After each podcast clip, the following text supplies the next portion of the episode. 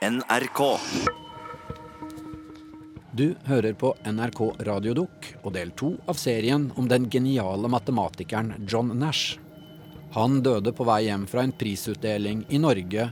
Der hadde han lagt fram en teori som ville sprenge vår forståelse av verden og universet. Men kunne det virkelig stemme? Eller var det et resultat av flere tiår med tung psykisk sykdom? Her er del to av Det er et spøkelse i ligningen, dr. Nash. Så skulle man ta den sånn.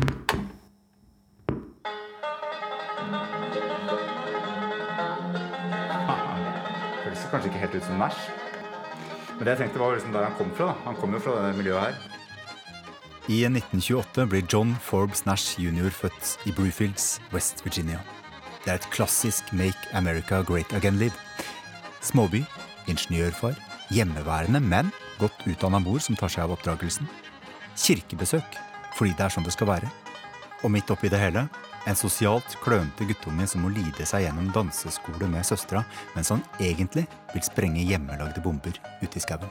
Eller være hjemme og lese røverhistorier i boka om berømte vitenskapsmenn, Men of Mathematics. 19 år gammel blir John Nash headhunta til prestisjeuniversitetet Princeton. Det første han gjør, er å ta en taxi ut til huset der Albert Einstein bor, med et forslag til en ny relativitetsteori under armen.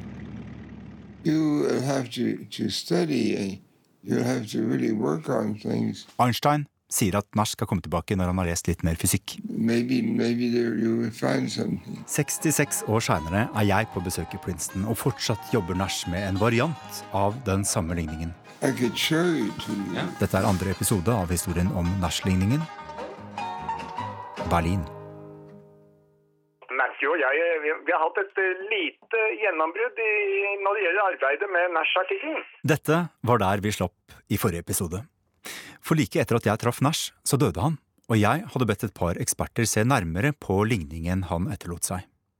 Den ene, Marit Sandstad, sa at jeg kunne droppe hele undersøkelsen først som sist. Den typen teori som han viste opp, har allerede noen bevist at den fungerer ikke. Men den andre sa at han ville teste ligningen med et eller annet som hadde med planeten Merkur å gjøre. Og etter tre måneder har tydeligvis Øyvind Grønn gjort et gjennombrudd. Sist lørdag så satte jeg meg i gang om kvelden utover natten og regnet ut lysavbøyningen, og fant et gledelig resultat. eh, Et som var faktisk hyggeligere enn jeg hadde forutsett. Det viste seg at for å få en endelig lys... Gjennombruddet kom etter at han fikk en eh, matematiker fra Universitetet i Stavanger med på laget. Matthew kommer til Oslo i morgen, så Så nå skal de sammen se om de får has på de siste problemene, og jeg får være med. Sånn. Ja.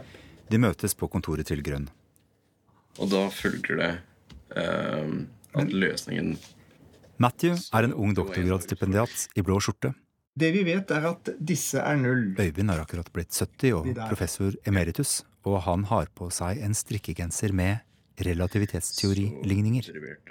De sitter ved siden av hverandre med penn og papir på kontoret til Øyvind Grønn. Og på veggen, over en liten sofa, henger det to små bilder. Ett av Einstein og ett av Jesus. Men den scenen har vi jo veldig stor bruk for, da. For det er den som gir det newtonske resultatet Det på i hele presisjonen. Så har vi også at eh, Koro Jeg har ofte tenkt at det matematikere holder på med, det er litt det samme som jeg sjøl gjorde da jeg som liten satt med fargeblyant og grubla over pusleoppgavene i Donald. Du skal stå en indeks R.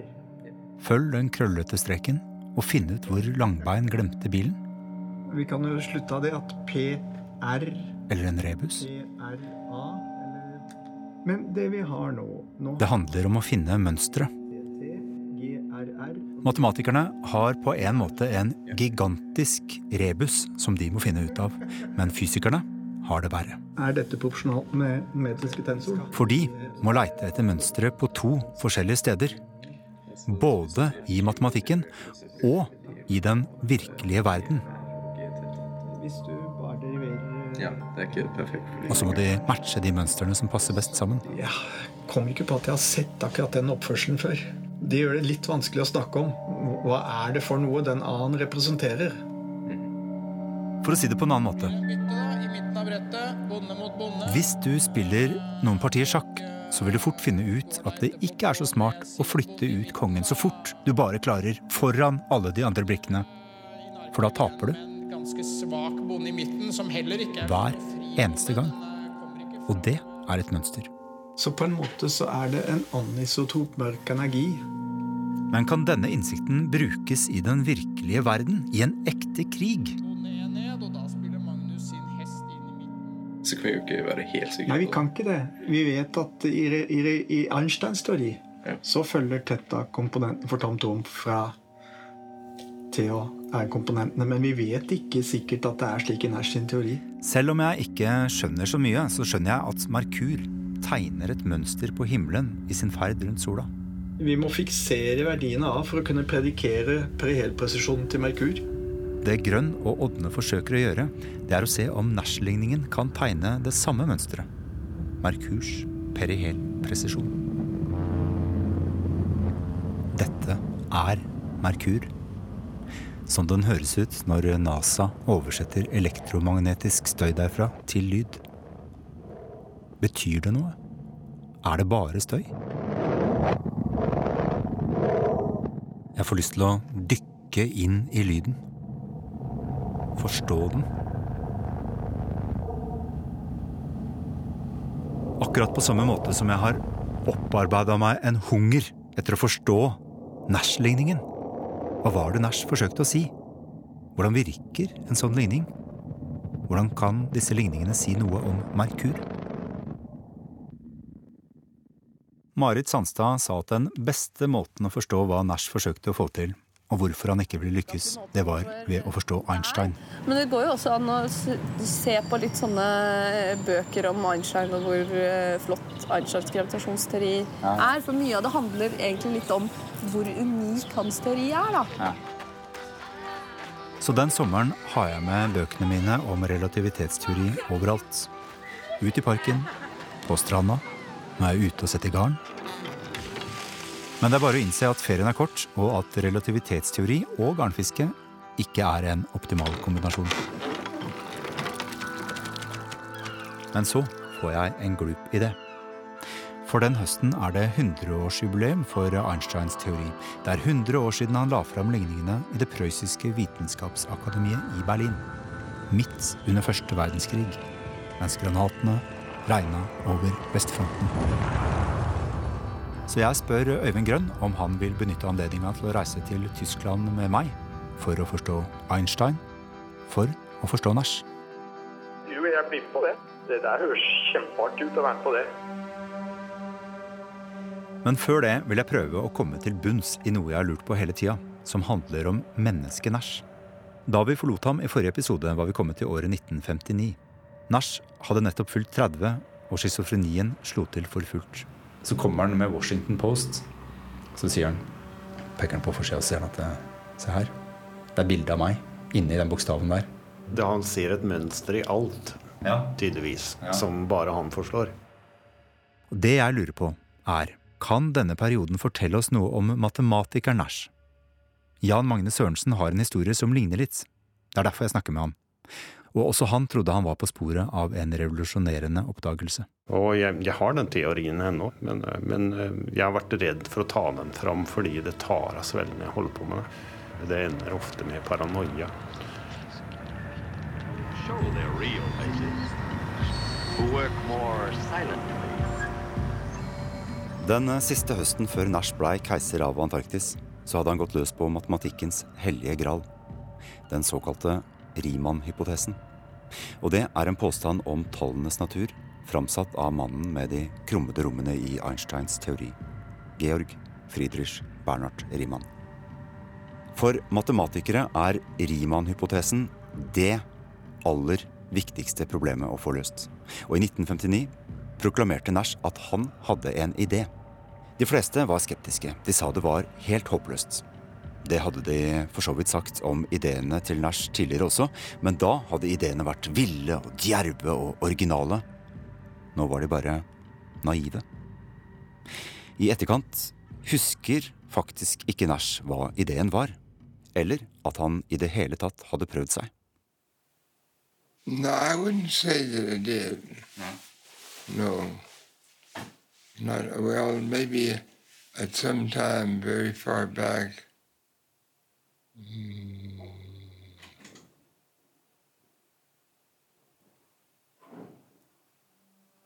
No, I don't see it.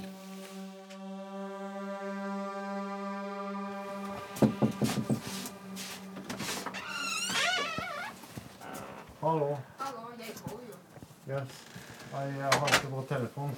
Men jeg har med journalisten er med meg her.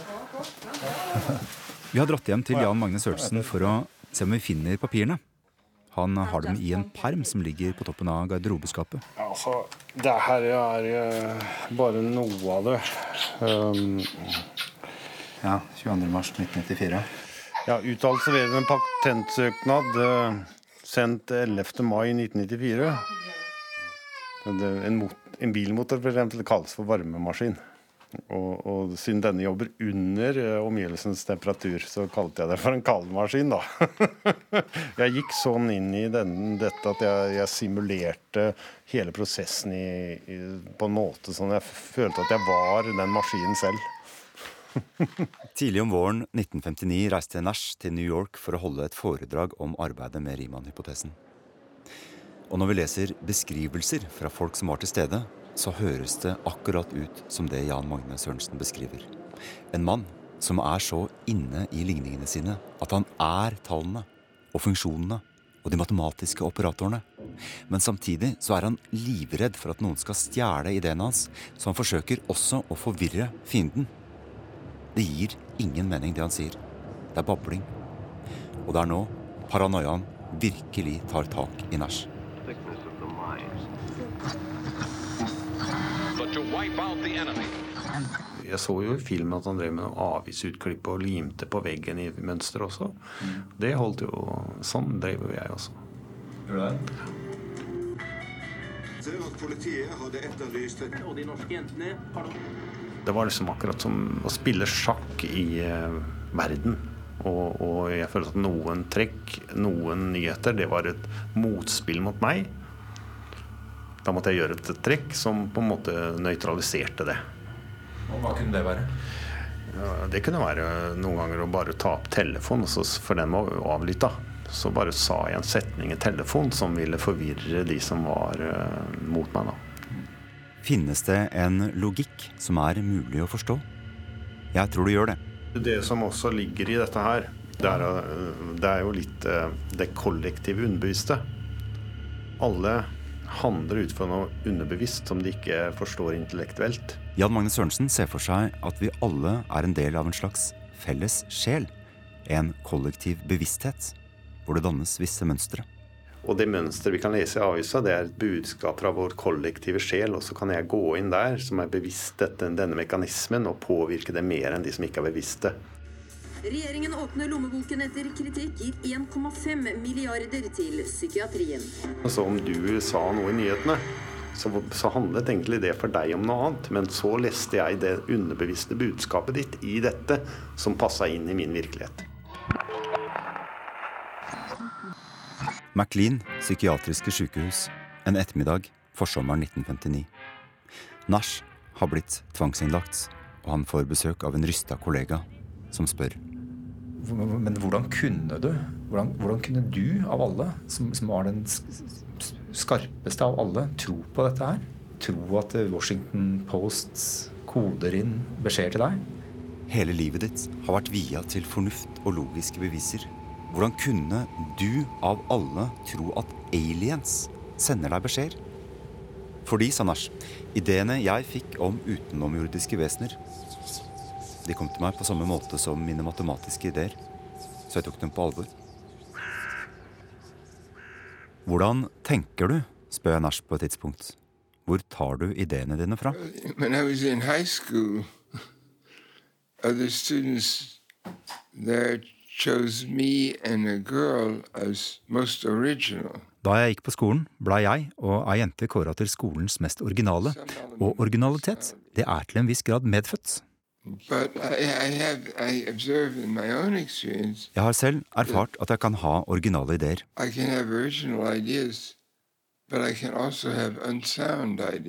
Men jeg kan også ha usunne ideer. I have experienced insanity and Jeg har eh, opplevd galskap, og jeg har vært gjennom perioder med mentale forstyrrelser. I enkelte perioder var jeg overhodet ikke aktiv som intellektuell matematiker. Do you say, say that it's some kind of um, uh, related uh, your mental illness and, and the way you got new ideas? it's hard to know.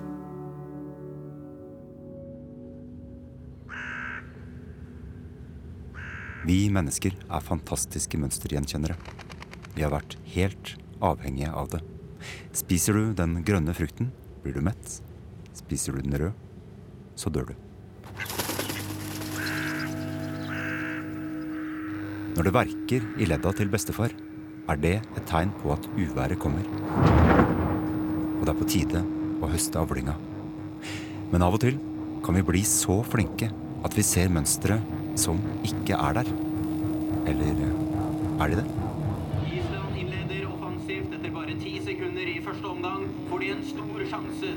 Det er VM i ski, håndball, fotball. Norge gjør det bra. Men når du skrur på TV-en, så begynner det å gå dårlig. Så du reiser deg, går ut på kjøkkenet. Og hun skårer sitt første mål på landslaget. Det er kanskje best at du ikke ser på TV-en, for da går det jo alltid bedre. Gjør det ikke? Og kanskje du har en lykke-T-skjorte som du må ha på deg for at laget ditt skal vinne. Og det verste er at det funker. Gjør det ikke? For å rette opp en skjev utvikling innen massebevisstheten, så jeg at, tenkte jeg at den brikka må ligge der. Og så må den andre ligge der. Da, da, da kan jeg redde en person fra en ulykke. Skifter du kø, så stopper den opp. Tenner du deg en røyk, så kommer bussen.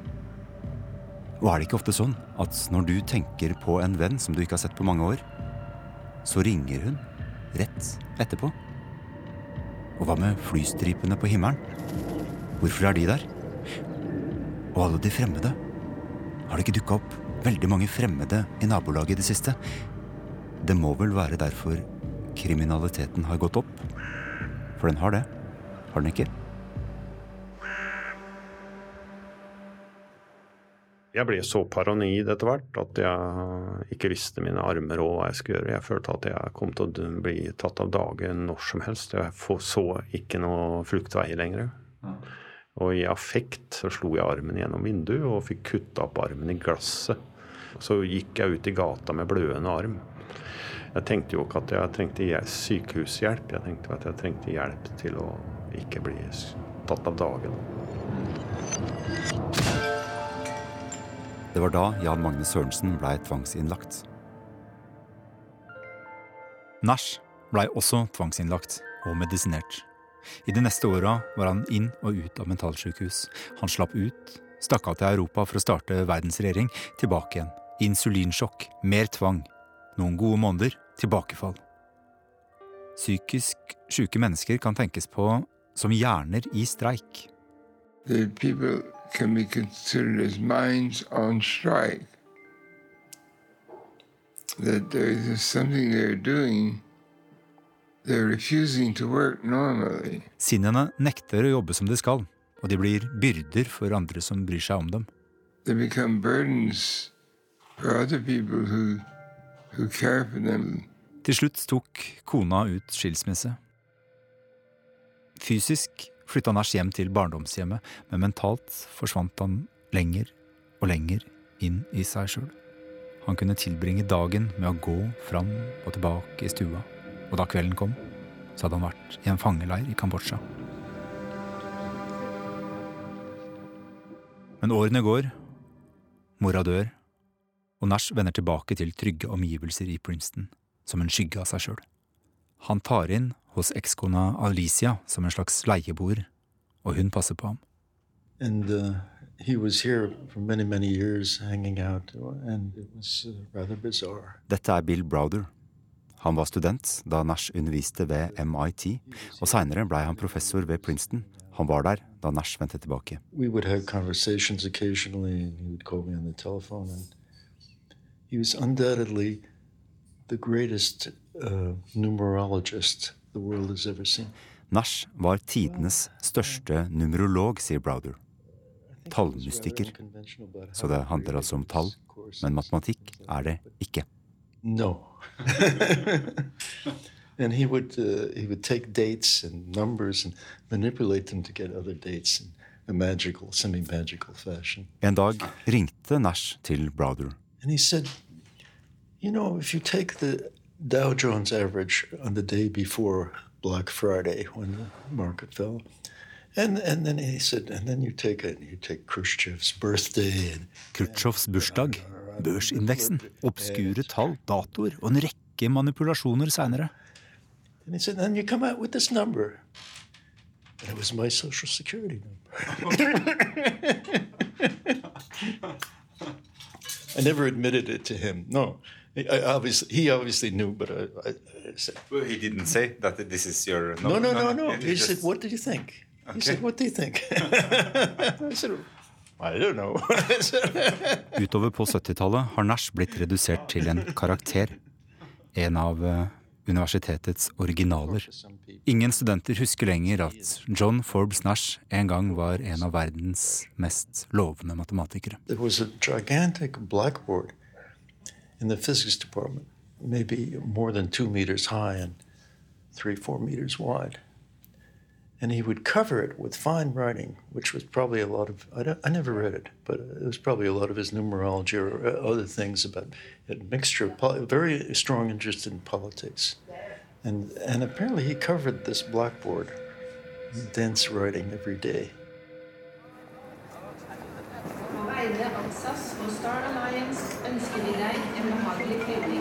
Hallo, ja. Jeg, er, jeg sitter ute i innsjekksområdet på kafeen der borte. Tiden er moden. God dag. Det har gått nok en måned, og min spesialetterforsker, fysikkprofessor Øyvind Grønn, sier han endelig har funnet ut hva Nash-ligningen sier om Merkurs perihel presisjon. Jeg og Øyvind Grønn legger ut på en reise inn i den verdenen hvor Nash-ligningen bor. Det er jo, det er jo 100-årsjubileet til naturteststudien vi skal feire. Ja, det er det. Første stopp er Bern. They don't know about the Canton House. But the, the, you know, the, the, the old patent office where Einstein used to work. Her jobba Einstein i 1905 som saksbehandler av tredje rang på et patentkontor. Uh, hello, uh, we I have written an email with someone and um, said that we could go in and make some radio for Yeah, we are from Norwegian broad- broadcast. Yeah. Okay, yeah. Um, do you know where to go? Uh, no, just uh, Og så å si i lunsjpausene på jobben pønska han ut teorier som revolusjonerte vår forståelse av tid og rom og materie og energi. Skal vi se, hvor skal vi? Hvilken etasje jobber du med? Fjerde? E er lik MC i annen, for eksempel. Det klekka han ut her. Og en dag han satt og kikka ut av vinduet, eller kanskje sto ute på verandaen, så blei frøet sådd til hans Magnus opus. Den generelle relativitetsteorien. Å. Å ja. Salon Einstein. Her er det faktisk utsikt òg. Yes. Kan vi Ja, vi kan det. Det går an å gå ut her også? Ja. Se her. Det, oh, det er langt ned. det er langt ned, ja. Eh, Så her kan man virkelig oppleve å være i fritt fall en, stund, en liten stund, hvis man skulle falle her. For både Nash-ligningen og Einsteins generelle relativitetsteori er gravitasjonsteorier. De forteller om ting som faller, og om den krafta som holder deg nede i senga om morgenen. Tyngdekraften. Og den kjenner du jo i hele kroppen når du prøver å reise deg fra den senga. Eller gjør du ikke? Det var det Einstein begynte å lure på. og så ser han en maler som er oppe på taket på andre sida av gata her. Ja. Hvordan vil en person som faller ned fra taket, oppleve tyngde. Og tenk deg nå Ja, at, at denne fyren med, som står der med et malerspann ved siden av seg, ja. snubler, detter utfor. Og Einstein tenkte ok, sett nå at han hadde med seg en badevekt, f.eks. Ja. Når han står stille på taket, så viser badevekten 85 kilo. Men hvis den badevekten faller sammen med den, og han står på den badevekten mens den detter nedover, så viser den null kilo. Den viser ingen vekt i det hele tatt. Han opplever ikke noe tyngde mens han faller. Nei. Fordi da faller både han og badevekta like kjapt. Ja, de gjør det. Minner ikke dette mistenkelig mye om en annen røverhistorie? Om Newton som sitter under et epletre, ser et eple falle, og innser at det finnes et mønster som ingen andre har sett før. At epler faller til bakken av samme grunn som at månen går i bane rundt jorda. Og jorda i bane rundt sola. Og Merkur.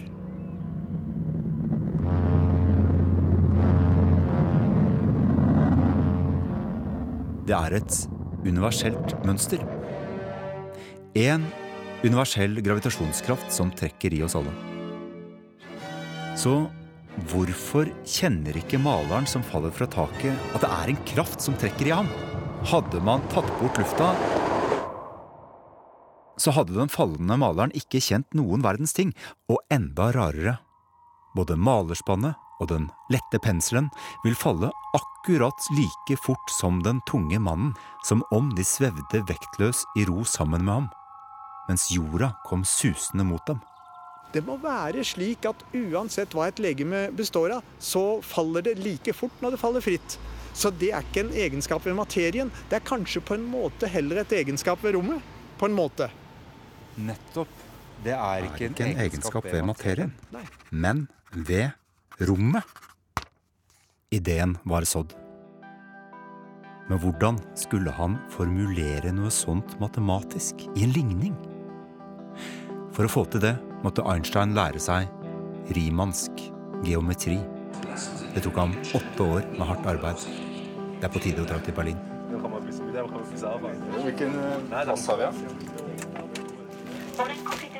Og på veien dit kan vi sende en varm tanke til et annet geni som sleit. Isaac Newton. I perioder jobba han som besatt. Natt og dag, glemte å spise. Og så dyp depresjon.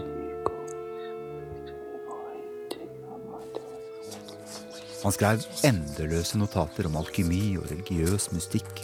Og som nach mente han at han sto i direkte kontakt med en utenomjordisk intelligens.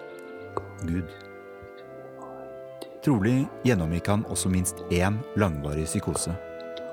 Det er ikke godt å si hvilken diagnose han hadde fått i dag. Kanskje er det som Nash sier. Psykisk sykdom er psykisk sykdom. You know, there are a lot of mines and they're all on strike. Så hvorfor går Merkur i bane rundt sola? Newton så for seg en kraft. Et slags usynlig tau mellom sola og den lille planeten.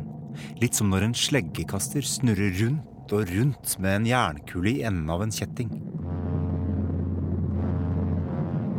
Sånn så verken Nash eller Einstein på saken.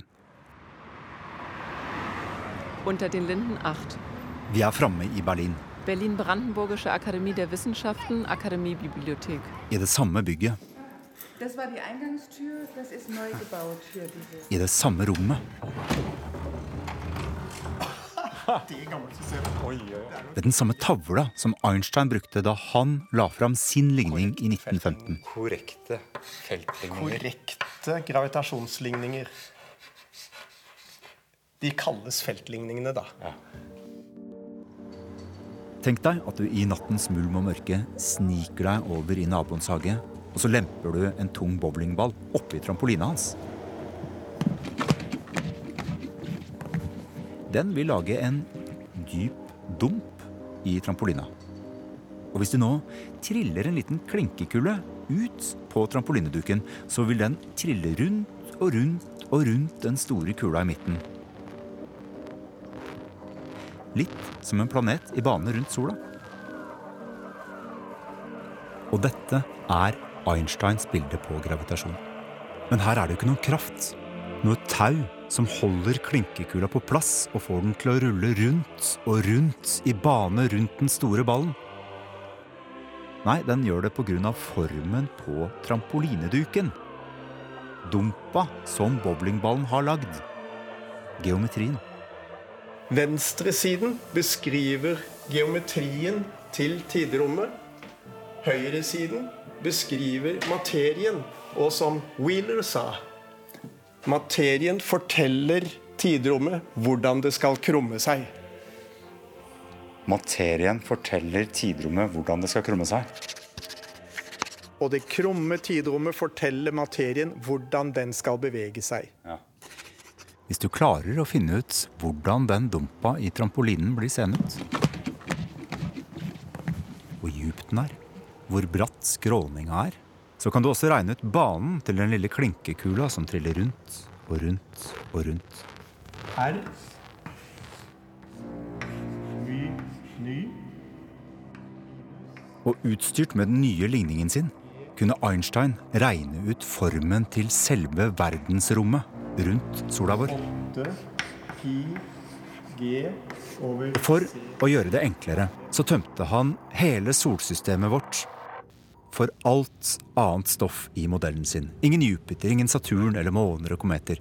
Bare et tomt rom med en trill rund sol i midten. Sånn ser det ut.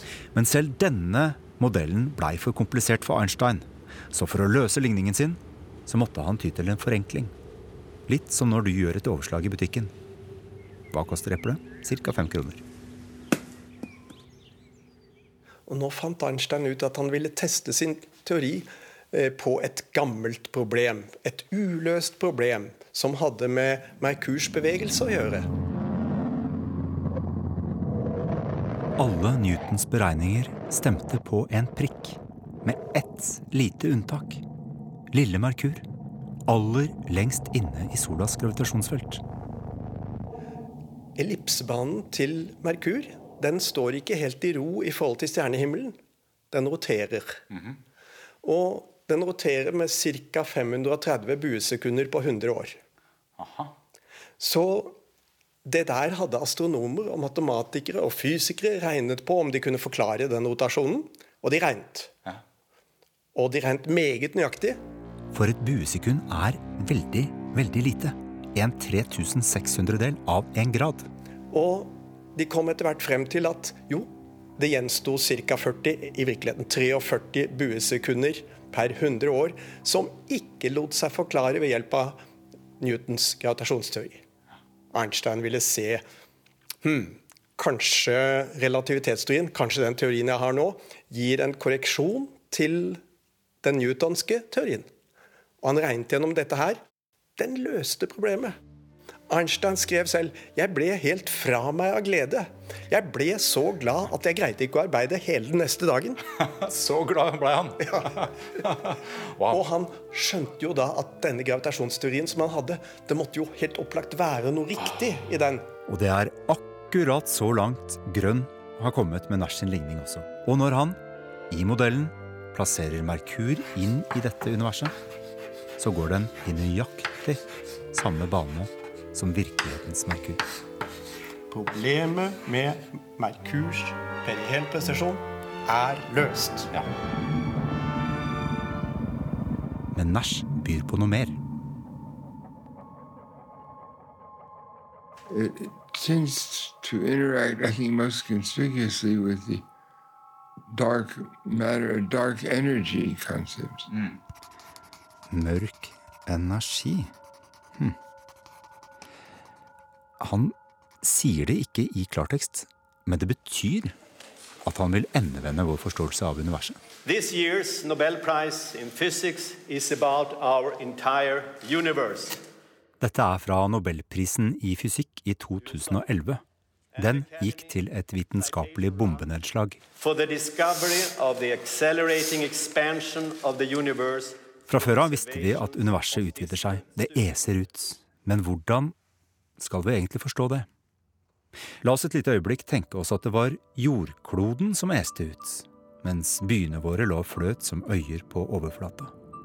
Hvordan ville vi ha opplevd det? Jo, for hvert år så ville det blitt lenger og lenger mellom alle byene på jorda. Autobanen mellom Berlin og Paris ville bli strukket ut, og det ville ta stadig lengre tid å kjøre E6 mellom Oslo og Trondheim. Og det er det vi ser i universet. Alle galaksene glir fra hverandre. Men alle trodde at denne utviklinga ville stoppe opp. Everybody expected that the expansion rate of the universe should slow down. Men så bremser det ikke opp. The universe has not been slowing down as was expected. It was accelerating. Løsninga var å finne opp en ny kraft som kunne dytte universet fra hverandre. Og de kalte det for mørk energi. Altså mørk som i sort, noe vi ikke kan se. For vi aner ikke hva det er for noe. So, what makes the universe speed up? Actually, we don't know. Dermed gjeninnførte man den sagnomsuste kosmologiske konstanten. Og det var noe som Einstein hadde funnet opp, og så kasta igjen. We don't know what it is, but we know that to account for the observed acceleration rate of the expansion, the dark energy must amount to about 75% of the total energy density of the universe. Det er ikke så rart at oppdagelsen kom som et sjokk. Det er nemlig helt kontraintuitivt. For vi er vant til at når vi kaster en stein opp i lufta, så faller den ned. Og hvis vi dessuten tenker på gravitasjonskraft, sånn som Newton, som en slags lange strikker mellom alle gjenstander i verdensrommet, så burde alt før eller siden trekke seg sammen igjen i en gigantisk implosjon. Men hva hvis gravitasjon ikke er noen kraft, men bare rommets geometri? Da trenger det kanskje ikke være så rart. It, it satisfies, satisfies my equation without a cosmological constant. I Nash-teorien fremkommer akkurat den samme virkningen uten vakuumenergi som en iboende tendens til at rommet vil, vil, vil ekspandere. Som, som, er liksom uten å, at det er en form for energi, eller? Akkurat. Det er bare, Nettopp. er en egenskap ved rommet. Yes. Men visste Nash at ligningen hans hadde denne egenskapen? Eller var det bare intuisjon? Grønn har pløyd seg gjennom manuskriptene til Nash uten å finne noe svar. John Nash han løste ikke ligningene sine. Så, så, han skrev sånne setninger uten at han egentlig eksplisitt viste at uh, jo da. Så ingen løsninger av feltligningen hans i Nash sitt manuskript. Så for å være helt sikker må Grønn finne en eksakt løsning av Nash-ligningen. Ikke bare en tilnærming. Og det er akkurat det han akter å gjøre når han om en måned skal tilbake til Berlin. Til en stor Einstein-konferanse sammen med Matthew Odne. Det er etter den konferansen at Grønn slutter å ringe til meg.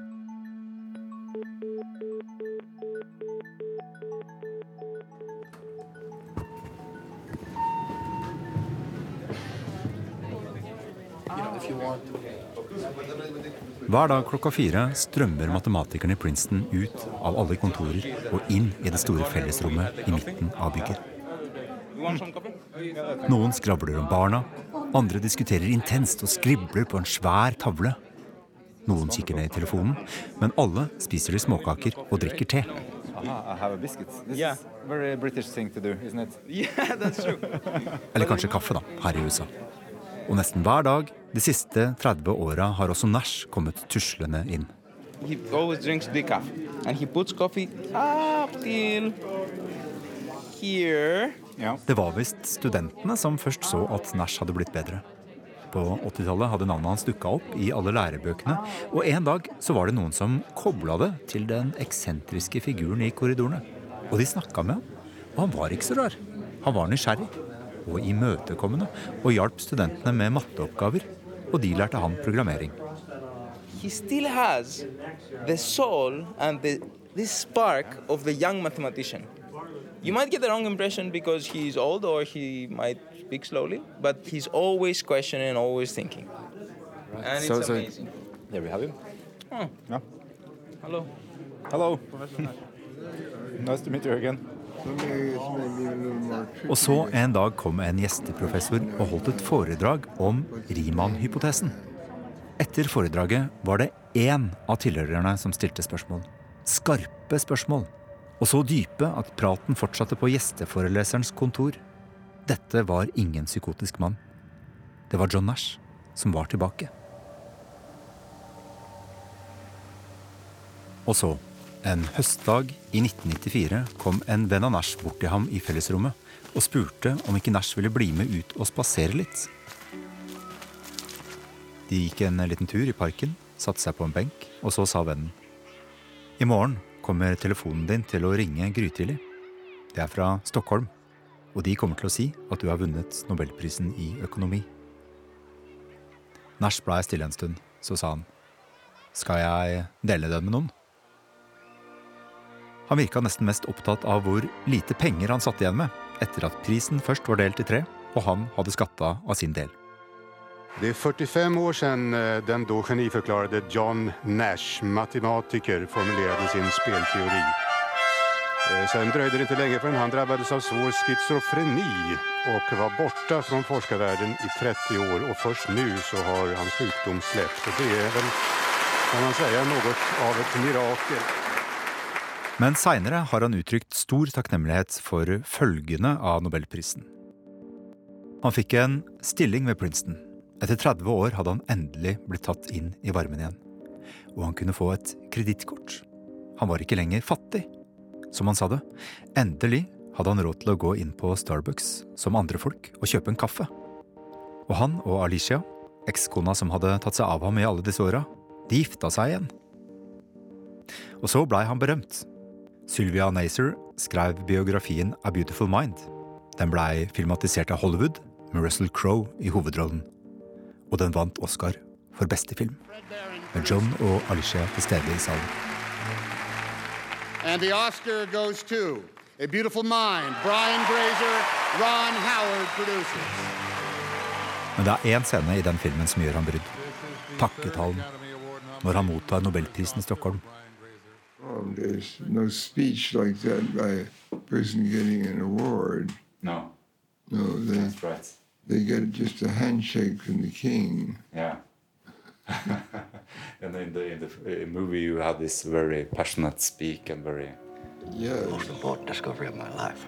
Det er en svulstig affære om håp og kjærlighet. It is only in the mysterious equations of love that any logical reasons can be found. That, that suggests a Peace Prize. Yeah. I'm only here tonight because of you. Thank you.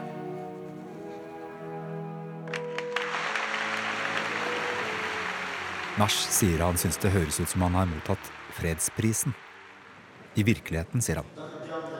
Går man fram, tar kongen i hånda, får prisen. Og ferdig. Vel, vel, kanskje ikke så farlig. Men det var også noe ved filmen som virkelig plaget Nash. Well, they changed important facts. Let me put down again. Well, one thing at the end, they implied that I'm still on medicine. Helt på tampen av filmen er det en scene der en eh, harmonisk utgave av Nash, på vei ut fra Nobelseremonien, er flink gutt. Han tar et pilleglass opp av frakkelomma og tar antipsykosemedisinen sin, og så smiler han forsonende til sin fantasivenn. Men i virkeligheten hadde han ikke gått på medisin på mange, mange år. Men det turte ikke filmskaperen å vise. I frykt for at andre schizofrene skulle slutte å ta medisin. For på den tida var det en vedtatt sannhet at schizofreni var en degenerativ sykdom. Man kunne ikke bli frisk av seg sjøl. Well, uh, it's. I think it's more frequent than you think. Is it? That, like, it's essentially the same as in the uh, 19th century. At folk blir friske skjer oftere enn du tror, sier Nash. Bare tenk på hvordan det var på 1800-tallet. Folk blei friske da også, av å få fred og ro på sanatorier. Og på den tida fantes det ikke antipsykotika. Yes, well, the drugs that are used to treat Nash mener at langvarig bruk av disse medisinene sløver deg, så du ikke klarer å jobbe deg ut av sykdommen. Det betyr ikke at han er kategorisk motstander av medisinering. Uh. Sønnen hans går på antipsykotika nå.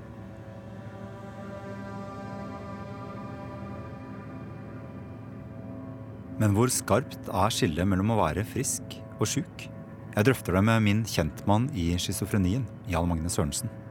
Selv om det fantes snev av tvil der, men eh, det var liksom litt, det var litt fascinerende. Så han lot seg litt rive med òg. Så, så det, det fantes en side av meg som tvilte på dette hele tiden. Han forteller om tida før han fikk diagnosen. Det var, eh, det var liksom, sånn- Jeg ønsket litt dramatikk òg, da. Så jeg lot meg le, lede litt, altså, av parano, paranoiaen. Så leker du litt med, med den alternative virkeligheten òg? Ja, ja. Det kan jo jeg tenker på den derre når han eh, Nash skrev, liksom, drev og skrev brev med forskjellige farger. Og så sa han at han eh, hadde blitt keiser av Antarktis. Så det er ikke sikkert han, at han faktisk eh, trodde det heller. Nei, Jeg tror det er en, en kombinasjon. Man tror litt på det, men så syns man det er spennende, og så lar man seg rive med Mm. i sin egen fantasi, for det er mer spennende enn den andre virkeligheten. Men til slutt vikla både Sørensen og Nashai altfor langt inn i fantasiene, og virkeligheten glapp. Sånn som filmen viste, så hadde han jo noen venner som ikke fantes fysisk. Det, sånn som jeg forsto filmen, så trodde han fullt og helt at han hadde romkamerat, men eh, det var vel kanskje ikke sånn i virkeligheten. Nei, Han fortalte det at eh, Hollywood tok seg noen friheter der. Visual illusions are not so not so common in mental illness generally, and I I never had that. Han hadde aldri synshallusinasjoner, Voices may be heard. men han hørte stemmer. Altså, Man sier stemmer i hodet, men jeg har aldri opplevd eh, det sånn. De stemmene hører jeg akkurat som vi sitter og snakker nå. Eh, Som det er noe på utsiden av meg selv. Og det Nash uh, sier sjøl, det er at eh, han lærte seg å sortere tankene. Han, han, han, kunne i utgangspunktet ikke se forskjellen da, på hva som var en unsound ID, som man sier. Altså en uh, usunn eh, tankegang. Og det som var uh, matnyttig. Han sammenligner det med å gå på diett. Når du skal slanke deg, så veit du godt at hvis du skal slanke deg, så må du unngå å spise sukker og fett. Men det er jo så godt. Ja, ikke sant. Så han gjenkjenner disse tankene som sukker og fett i huet sitt. Og så unngår han å spise dem. Unngår å, å, å tulle seg inn i dem. Det er akkurat det Det tror jeg Det, det livner akkurat på det samme som jeg eh, fant ut etter hvert. Men igjen, hvor skarp er egentlig grensen mellom det vi definerer som sjuk og frisk? Hører du stemmen fortsatt? Svært lite. Um, jeg, ja, jeg hørte en stemme i går. Noen som hvisker til meg. Hva sa den, da? Nei, det var min kone som sa det til meg da når hun sov. Okay. Om det er telepati eller, eller eh, mitt hode som produserer det, det, det, det blir en diskusjon som vi ikke kan eh, få noe fasit på.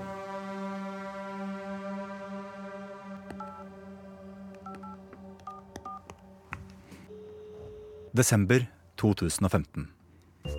Hei, det er Tørkel her. Har du vært i Berlin? Grønn og Matthew har kommet tilbake fra den store Einstein-konferansen i Berlin.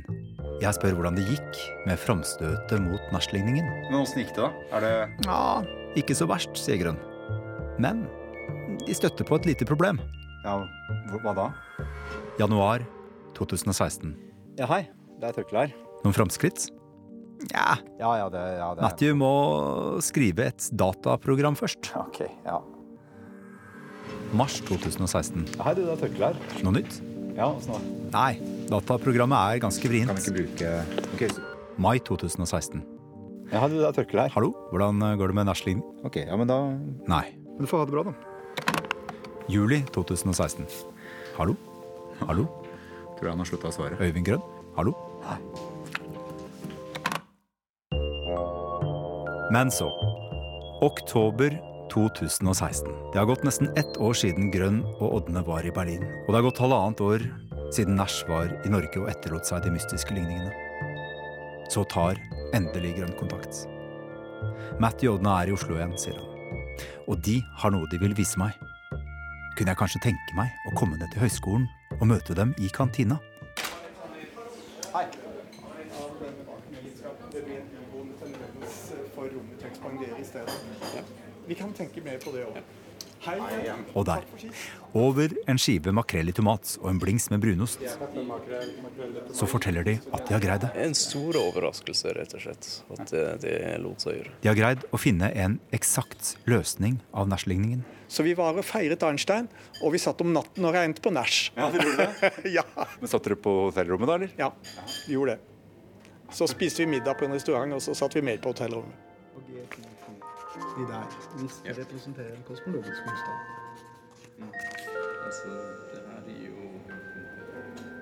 Klokken passerte i hvert fall to, kanskje tre år muligens. Så vi, vi, vi syntes det var spennende. Og vi oppdaget hvor vanskelig Nash-teorien er. Og, og, og da skjønte vi etter hvert at for å være sikre på at ikke vi skulle gjøre noe slurvefeil, så, så, så holdt det ikke å regne manuelt. Man måtte programmere i tillegg. Men Matthew Odden er flink, så, så han tok på seg oppgaven, men tok lang tid.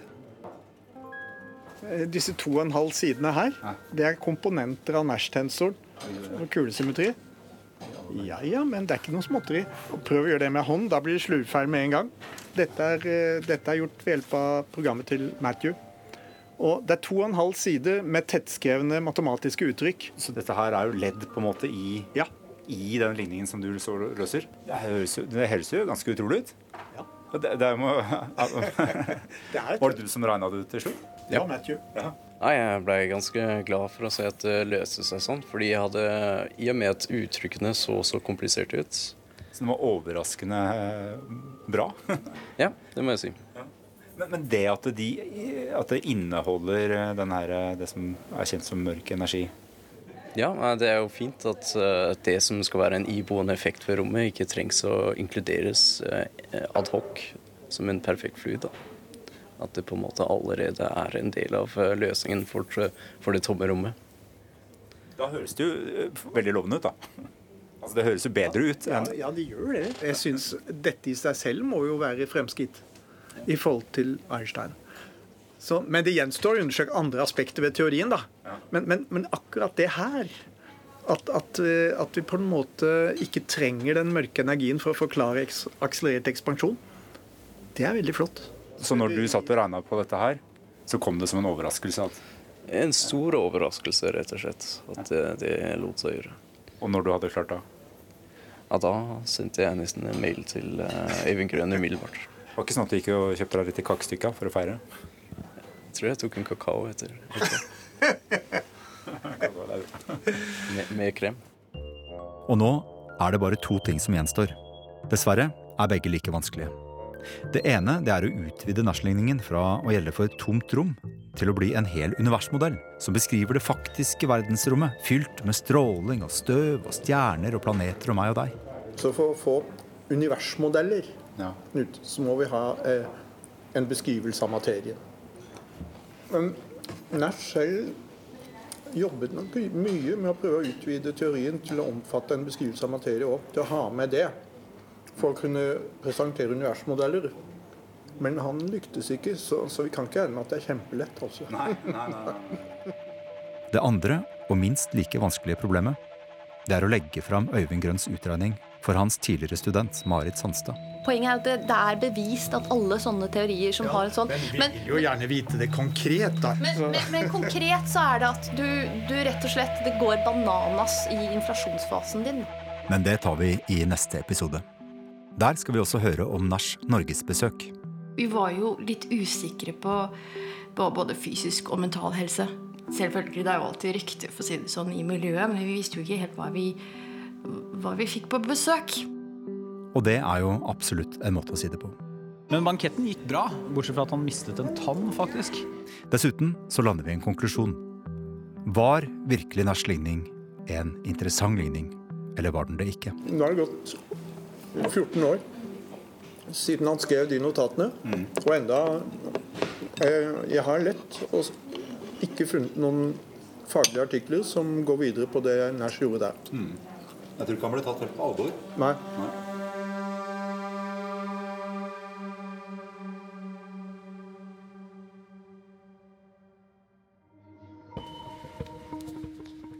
Du har hørt del to av 'Det er et spøkelse i ligningen', Dr. Nash, laget av Torkil Jemterud, med god hjelp av lyddesigner Nils Jakob Langvik. Og jeg heter Kjetil Saugestad og har vært konsulent. Tredje og siste del er under arbeid, og vi legger den ut når den er klar en gang neste uke. Kontakt oss gjerne på radiodok at nrk.no. NRK.